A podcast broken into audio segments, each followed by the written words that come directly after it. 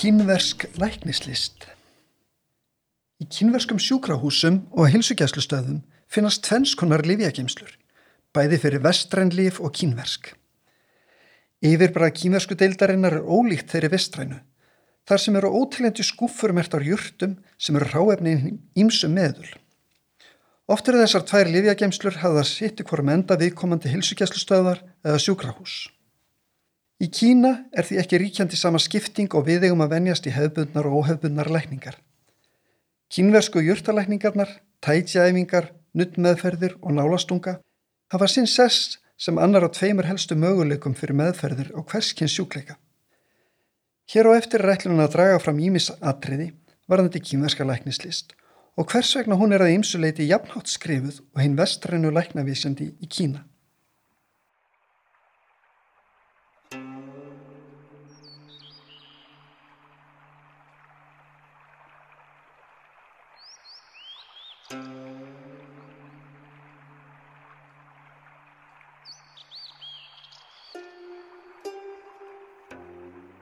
Allt hefst þetta með fræðum um orkuflæði eða tí sem getur þýtt loft en orði hefur mun viðtækari merkingu í kynversku.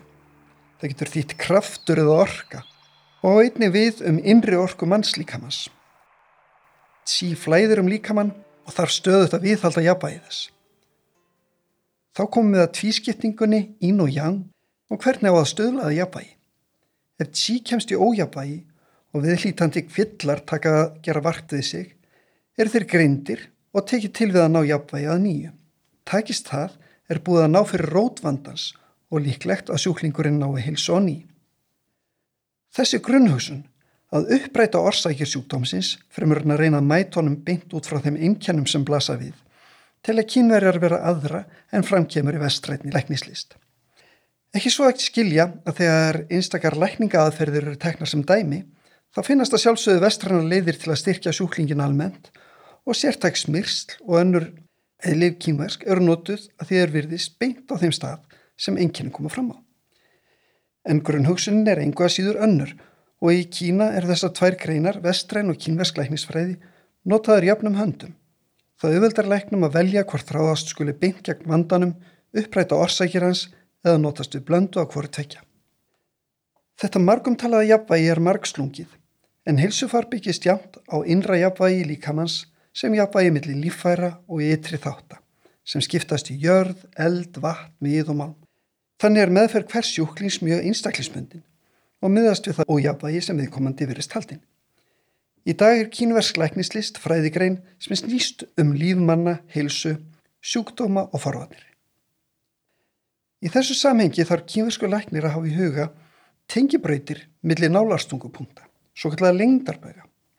Trúin á tilvist þeirra er sterk en ekki hefur verið hægt að finna það með vísindarlegum hætti. Læknar hafa nákvæmt kort af líkamannum með þeim punktum sem miðað er við í nálastungu og nuttmeðferð og eru þeir meirinn 2000 talsins. Millir þeir eru svo tengslega bröytir svo kallar lengdarbögar líkamanns. Og þetta hefst allt með ríti gula keisarans sem komst til valda árið 2698 fyrir Krist.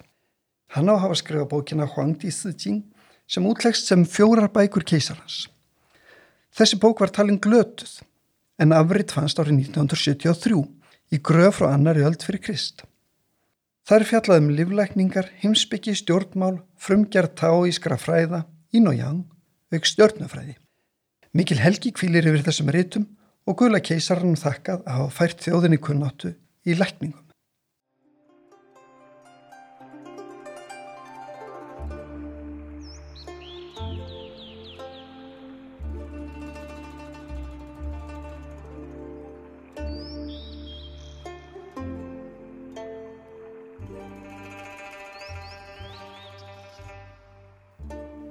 Það er þó þannig með kýmverska sögu að alltaf má finna eitthvað eldra og eldra.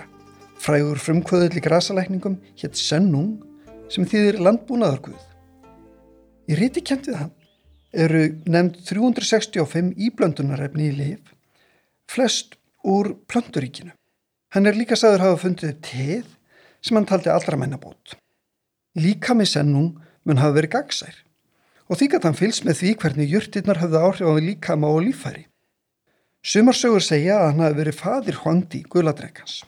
Sennung er líka eignaður heiðurinn af nálastungaðaferðinni markfrægu. Hugmyndur um jafnvægi við kýmverskri læknistfræði miðast við átta grunnatrið. Þau skiptast upp í fjögur pör af andstæðum sem við náum með.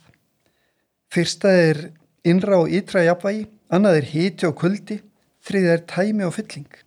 Fjörðaparið er ín og jang en það vísar rauninni til allra hinna atriðina. Við greiningu á jafnvægi innri og ytri atriða er haft í huga að þau hafa áhrif á húðina og orkubreytir líkamans. Innri atriðin eru líffærin og beinin. Ef ójabægið er á ytri hlýðinni koma fram einnkjörni á borði hýta, verki, stípni hálsi og orðlegan púls. Tæmi og fylling er næst. Tæmi kemur fram í minnisleysi, slappleika, svita og fleiri. Fylling kemur fram í óróleika, róða í andliti og ákvöðum hjartslætti. Þessi atriði eru aðtugað með greiningaraðferðum kínverskrar læknisfræði sem felast í því að aðtuga, hlusta, finna lykt, spyrja og þreyfa. Þær júrtir sem helst eru notaði sem lifur til dæmis hinn velþekta ginsengrót, astragalusrót, engifer, lakrísrót og fjálmart fleira. Lakrísrótin er notið í mörglíf og veldur því að þegar að koma hingað og er bóðið upp á eitt okkar helsta selgæti lakrís, þá vakna minningar um það þegar þeir lágu veikir og þurftu innbyrða bráðvond meðal og svo vil til að flesta eru með lakrísbræði. Hráöfnið er oft soðið og innbyrt í talsverðin magni. Ímislegt er kunnulegt, til dæmis appilsnubörgur. Margar júrtana vaksa í fjöllum og henni ímsu livjamerki heita gjarnan eftir einhverju fjallendi sem telst gjöfult og hilnæmar júrtir. Kínverður eru mjög meðvitaður um að uppskriftirnar sem notaðar eru hafi sapnast upp sem sjóður þekkingar á laungum tíma. Hugmyndirnar sem byggtir á séu einni mörg þúsund ára og eigi sér ekki samskonar stóð og nútíma læknaveisndi. Hins vegar hafi reynslan leitt margt í ljós sem sé mikilvægt að varðveita og nýta sér. Ef ljós þykir að þannig megi lækna á hvenna sjúkdóma að það er að kvilla eða draga á reynkjönum þeirra. Einn er til gömul greiningaraðferð út frá frumöfnunum 5 vatni við í eldi málm og jörð.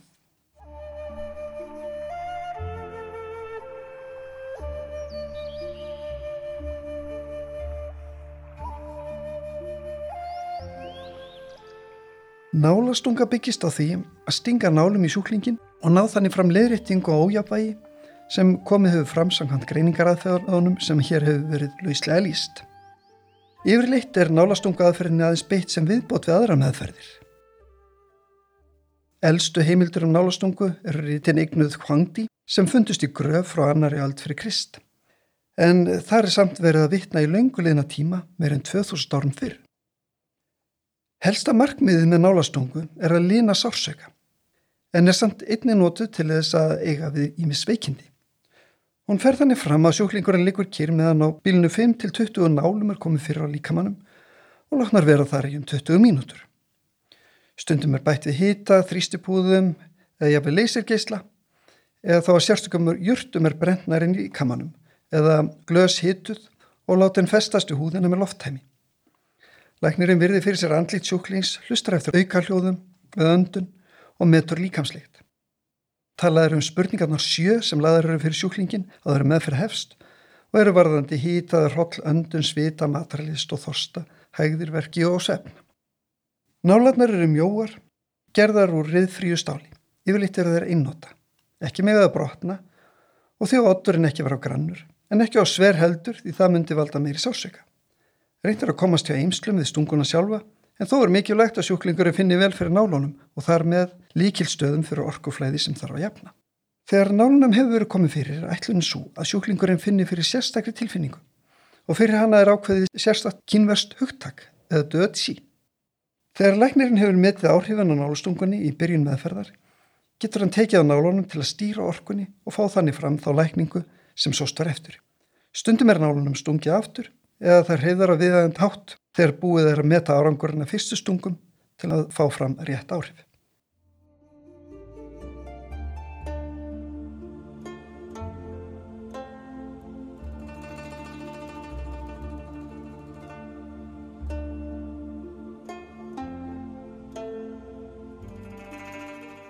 En kýmversk lækningalist byggjar á fleiru og má þar helst nefna hreyfilistinnar Qigong og Tai Chi. Qigong-æfingar byggja sjálfsögð á jafnvægi á öllum sviðum. Líka minn á að viðhalda góðrið jafnvægistöðu, öndunna á að vera rétt og áhersla lögða innbyttingu hugans. Ef við veltum fyrir okkur orðinu Qigong þá má þýða það sem orkufærni eða að það vísi til þess að ná valdi yfir orkunni. Senni hluti orðsins Gong kemur einmitt fyrir í heitinu Kung Fu eða Kung Fu, hugtak sem flestur á Vesturlundum þekkja sem kýmarska bardagalist. Í Chi eru stundar sértækarja eyfingar. Á kýmarsku er jafnan talað um Chi Chuan sem útlæst í einföldustu þýðingu sem ofurnefi. Það vísar til uppruna sem sjálfnari talað um nefnilega bardagalistar. Í einnig grein Chi er notaði sverð og heitir þá Chi Chien eða ofursverð. Eins og fyrir segir er þýðingin einfölduð. Tæm á vissulega þýða sem ofur en G er mörg og orðið þýðir þá samsett það sem nær út fyrir endimörk einhvers eða takmarkalust. Tvennskonar kenningar eru um upprænda tæti að um sig að ræða bardaæfingar eða að listin hafi þróast út frá dansi. Sennilega hallast fleiri að fyrir hugmyndinni en það talað um nefa og sverð en auðvitað getur þetta blandast saman. Ótt er sagt að taoismi útskýri hreyfingu og konfúsíusismi stöðu. Taiji er talið vera afsprengi taoisma þar sem hreyfingarnir eru látnar flæða stöðut áfram meðan haldið er jafnvægi á allum þáttum. Þessar ræfingar er rótgróin hluti af lífi kýmverja og tengja fólk félagslegum böndum. Í hverfum og þorpum er þó nokkuð um það að fólk komi saman að morni til og geri tætjæfingar. Almenningskarðar eru líka vettvangur fyrir þá sem vilja stunda æfingar í hendu og umhverfi. Á vinnustöðum er einnig venja að skipuleggja æfingatíma. Hver reyfifærsla hefur sitt nafn og sá sem stýrir kallar þau yfir hópin svo allir viti hvað að gera næst. Til dæmis eru skilgrindar 32 fæslur fyrir sverðilistina og hægt að fletta þær saman að vild. Þessari samskiptamenningu er, eins og gefur að skilja, helst haldið uppi af fremur fullornu fólki. En það þarf ekki að því að hún verði horfin eftir 30 ár. Við vitum að ímislegt breytist hratt þessa áratugina og hægt er að gera sér í hugarlund þróunina með aukinni tölvuvæðingu og öllu því sem því fylgir. Svo fallega vennja í sömum almenningskörðum að menn komi fuggli búri, hengi það upp í grein á næsta tríu og fari svo að yfka tæti, tebla eða spjalla í félagana er eitthvað sem flestir vilja örglega verði viðhaldið áfram.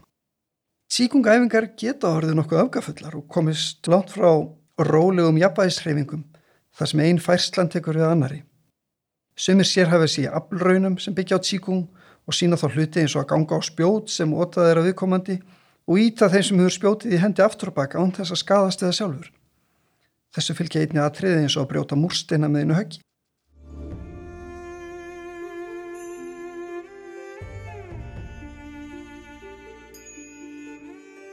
Í Kína eru sérstakir háskólar sem kenna kímerska læknislist.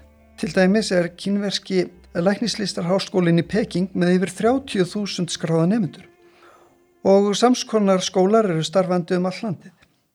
Jáfnframt eru ótal rannsóknastofnanir og félög sem vinnaða framgangi greinarinnar.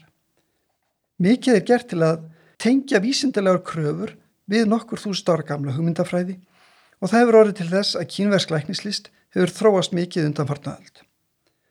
Á skólanum sést að mikið er íðálagt en það yfirlýst markmið þeirra að viðhalda þessari menningararlið og það er áttið að koma fram í hönnun mannvirkja og umhverfis. Kína er eitt af þeim löndum þar sem öldrun þjóðarinnar gengur hraðast fyrir sig. Þessu þarf að mæta í hilbreyðiskerfinu og þar með hefbundin kínversk læknislist leika sitt hlutverk. Á undanförnum 20 árum hefur árlegur fjöldi útskriftarnema í hilbreyðiskeranum þrefaldast. Sérstöku átaki hefur verið hlift á Stokkórnum sem nefnist hilbreyði í Kína árið 2030. Það er einmitt lögð áherslu á að þróa hilbreyðiskerfi með kínverskum sérengjönum.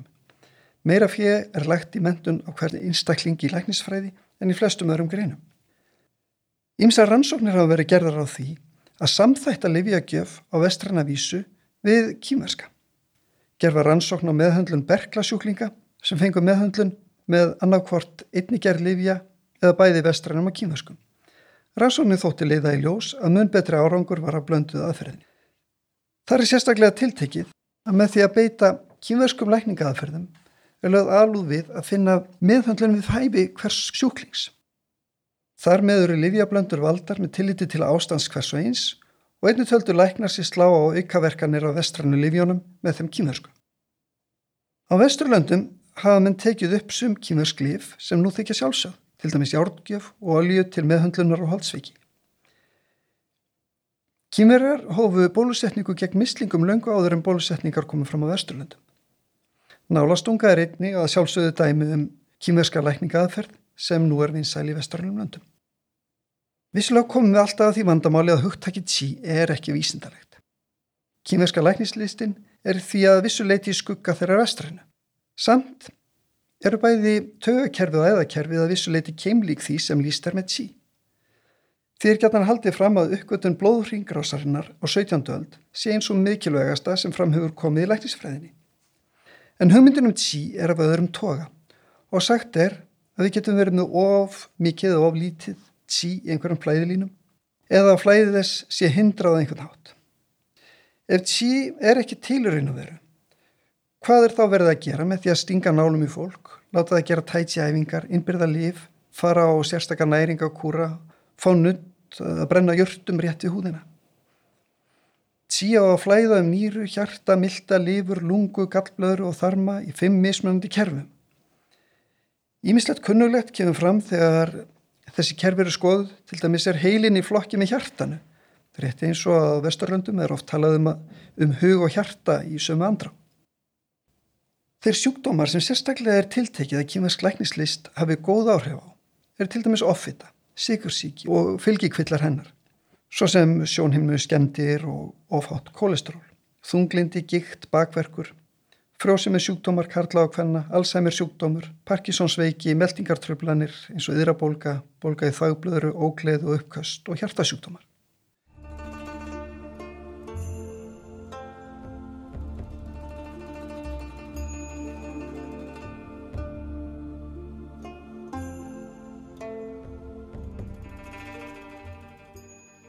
Nuttmeðferðir eru fjörði þátturinn í kynverskum lækningum ásamt grasalækningum, tíkum og nálastungu.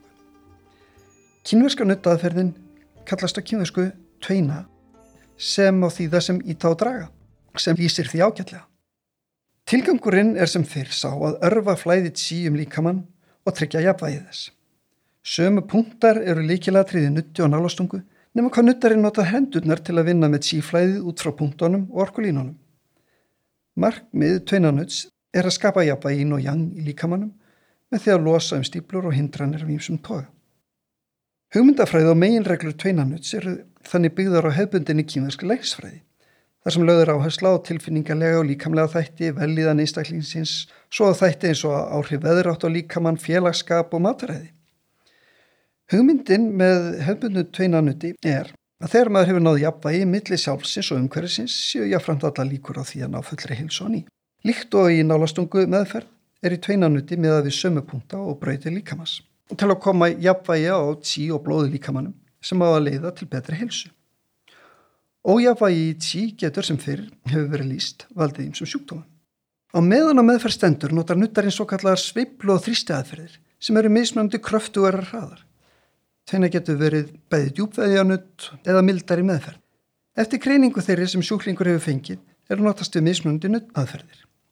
Sumar þessar aðferða eru meira á ínliðinni sem er mildara, óvirkara og miðar meira að hugleðslu. Jang nálgunin er virkari kraftmeri og er tilgangur þá fremur að losa djúparstíplur og núta. Nuttarinn vinnur með vöðva og sínar notar ímsar aðferði til að endur stilla jafnvægi líkamans. Líðamótur er reyð til að endur heimta virkni vöðva og líða og nuttmeðferðnar geta verið fjölbreytilegar og reynda að hafa þær í samræmi við hvarfir hvers og eins. Til að hafa áhrif meðferðarinnar sem mest er stundum laður júrtir á húðina eða borið á húðkrem. Gripið er til vöðvalosandi nutts og svæðanuts eins og þurfa þykir. Einnig eru notaðar aðferði sem eru algengar við nikkingar eða kýropraktík, svo sem tegjur og leðhrifingar og þó þýða með í tveina sem íta á draga, þá er talað um átta grunnaðferði sem notaðar eru í tveinanuti. Og þær hafa hver sitt naps sem því það sem þreyfing, saminning, andstæður, lifting, íting, hnóðun og nálastunga til að koma jafnvegi á tí og blóði líkamannum sem leðir til betri hilsu. Tí sem flæðir rám getur valdið stíplum svo sem lélæri blóðurása viðkomandi svæði og helsta meðferðamarkmið er að fjarlæga orkublokkirnar sem valda stöðnum tí. En svo gefur að skilja er námi nutti og nálastungu í Kína því samtinnað. Tveinanutt er fyrst og fremst notað til að meðhandla sértæk heilsufarsvandamál eða svæði líkamann. Og nutt er bæði hugsað til að meðhandla sársöka og veikindansvegar og svo til að viðhalda góðri heilsu hinsvegar. Það er sem forvarnir. Tæknin er áhrifarík til að draga úr streitu, hvetja til slökunar og dýfkasvepp. Það er oft notaðið meðslum og skada sem tengja stóðkerfi og tögakerfi. Verð talið vera gott við meðhandlun á ýmsum kvillum, meðal annars á verki í hálsi og baki og við að lækna stóðkerfi sjúkdóma, þreitu og sefleysi, höfverk, liðagikt, beinþinningu, streitu, meldingarvandamál og öndunarfæra sjúkdóma.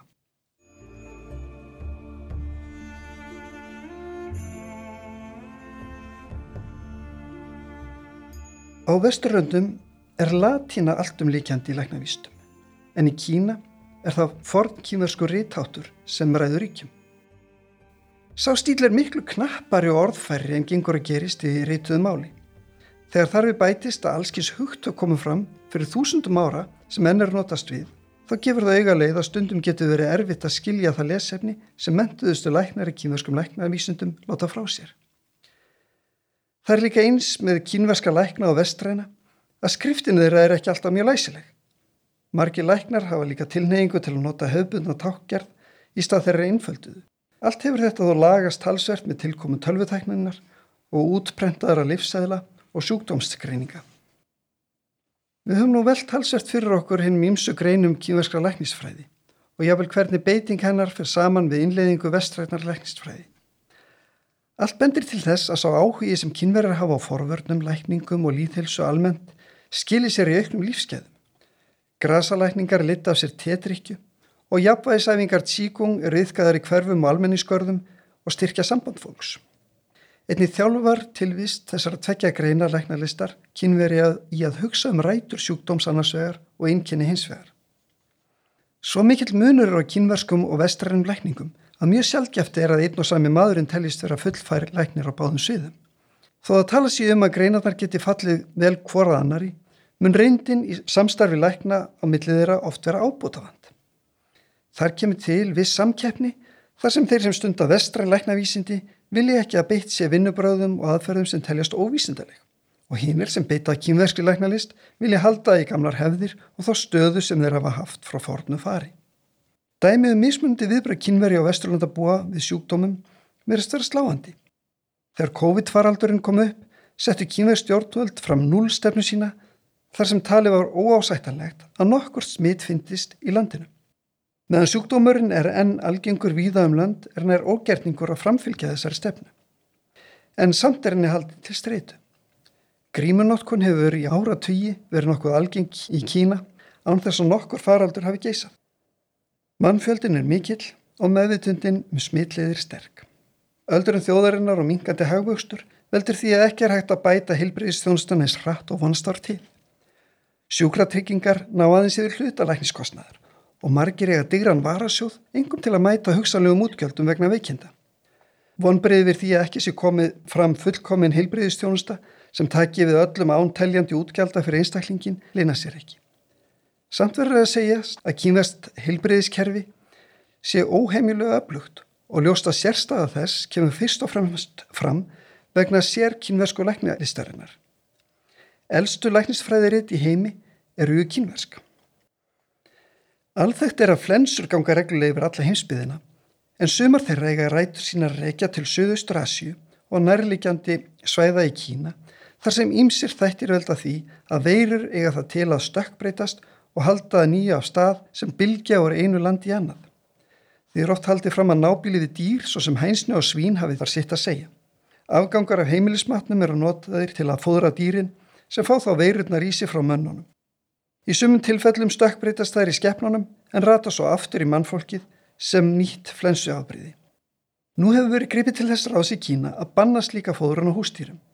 Það hafði mikil áhrif á fóðurmarkaðin í Kína og jafnvel hinsbyðinni aldrei. Livrarbólgufaraldurinn lok nýjunda áratöksins var svo til þess að gefin var út reglugerðum að fjölnóta prjónar ættu ekki að vera á kýmjöskum veitingastöðum og gríðarlega framleiðsla hófst á innóta prjónum til að koma í þeirra stað. Viðbröðið sjúkdómsfaraldri er ávalt hörð í Kína. Af þessum sökum er auðvöldar að skilja af hverju kýmverjar hafa tekið upp núlstefnuna gagvar COVID.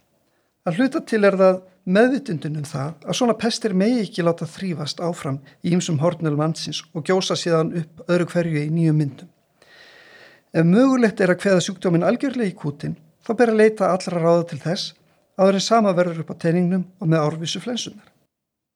Í Kína er að sjálfsögðu meginlandslofslag og talsverður munur á sumri og vetri. Þó er landi nokkuð sunnarlega á nettinum en aðstæðar leiða til þess að kaldur strengur leggur oft frá norðri að vetri til og skapar nokkuð loftkölda. Sólin er samt alltaf nokkuð hátt á loft og veldur þetta misræmi því erfitt getur reynst að átt að sjá því hvernig ber að klæða sig til að vera út í við. Sérstaklega hausti og vori. Ráðið sem kýmur að gefa er að hætta ekki að dúða sig við fyrstu hlýjenda vori því kvöldin sé enn til staðar.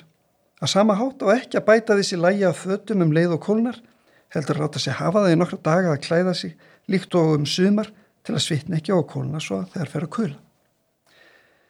Þannig eru kynverið sífælt að velta fyrir sér hilsu farsmálum. Alltalað er að þeir borða fjölbreytilega mat og hafa mikla trú á ákveðnum fæðutegundum. Sérstakar veistlumáltíður eru byggðar upp á réttum sem borðnir eru fram einn í einu og hver og einn á að bæta ákveðna hluta líkamanns eða líffæri. Þannig tengist matarmenningin líka inn á hugarfarið sem fylgir grasalækningunum. Fræktur orðið hvernig kynverið að taka á spilafíkn. Þá er greipið til tíkungæfinga og að byggja upp þann sem hefur orðið spilafíknin eða bráð í samræmið við hugmyndur um jafnvægi. Viðkomandi er jáfnvel settur í sérstakar þjálfunarbúðir þar sem engar tölfur eða símar eru innan færis. Fyrir okkur vestlundabúum kann þetta að verðast hardneskjulegu viðbröð en þessu svipar til núlkröfunar í COVID-faraldrinum. Líðhelsa í Kína miðast eftir vil meira við almennt ástand einstaklingana heldur en sjúkdóma sem rekja má til bakteríja, vírusa, stóðkerfisvandraða, krabba, meins eða álás á hjarta eða þýjum líku. Allt það sem dregur og getur fólks til að lifa eðlugu lífi er líðhelsu vandamál og viðbreyðinni því þegar uppkoma ný vandamál eins og tölvuspilað þýk eru einni harð. Kímerska hugmyndafræðin er gegnum gangandi í öllu heilbreyðskerfinu. Að sjálfsögðu kemur þessu hugmyndafræði fram miklu víðar Áherslur í mentakerfinu verða skiljanlegari þegar eh, hafðar eru huga kenningar um jafnvægi, orkuflæðu um mannin og að tryggja því flæði farvegi. Í námi þar samkvæmt því líka að geta jafnvægi til ná árangri og við dáumst að velgengni þeirra. Það byggist ekki síst á því að forðast einstefni kenningar og byggja bæði á þekkingu og færni jöfnum höndum. Þannig fá þeirri nefndur sína til að læra langar þulur utanað og vera jafnframt færir í að skrifa flókin tákn tilenga sér stærfræðireglur og ávinna sér færni að nota þær við nýja útreikninga. Allt byggir þetta á sömu hugmyndafræði og við sjáum hvar vekna í kýmerskri læknislist. Það er viss eðlisfræði þarna baki sem táisminn stiðst við um vatnið sem streymir niður á við í óskekjulu jafnvægi við náttúruna, sama hver áhrifin á flæðið þess og stefnu koma ára mörgum áttum samtímis. Samanburðurinn gengur út á það að flæðið í okkur virki á sambærilegan hátt en við eigum aðeins að gæta þess að í okkur er það ekki óskíkult eins og í náttúrunni sjálfri og stundum þurfum við að stilla jafnvægið með einhverjum ráðum til að viðhalda hilsu okkar og helbreyði.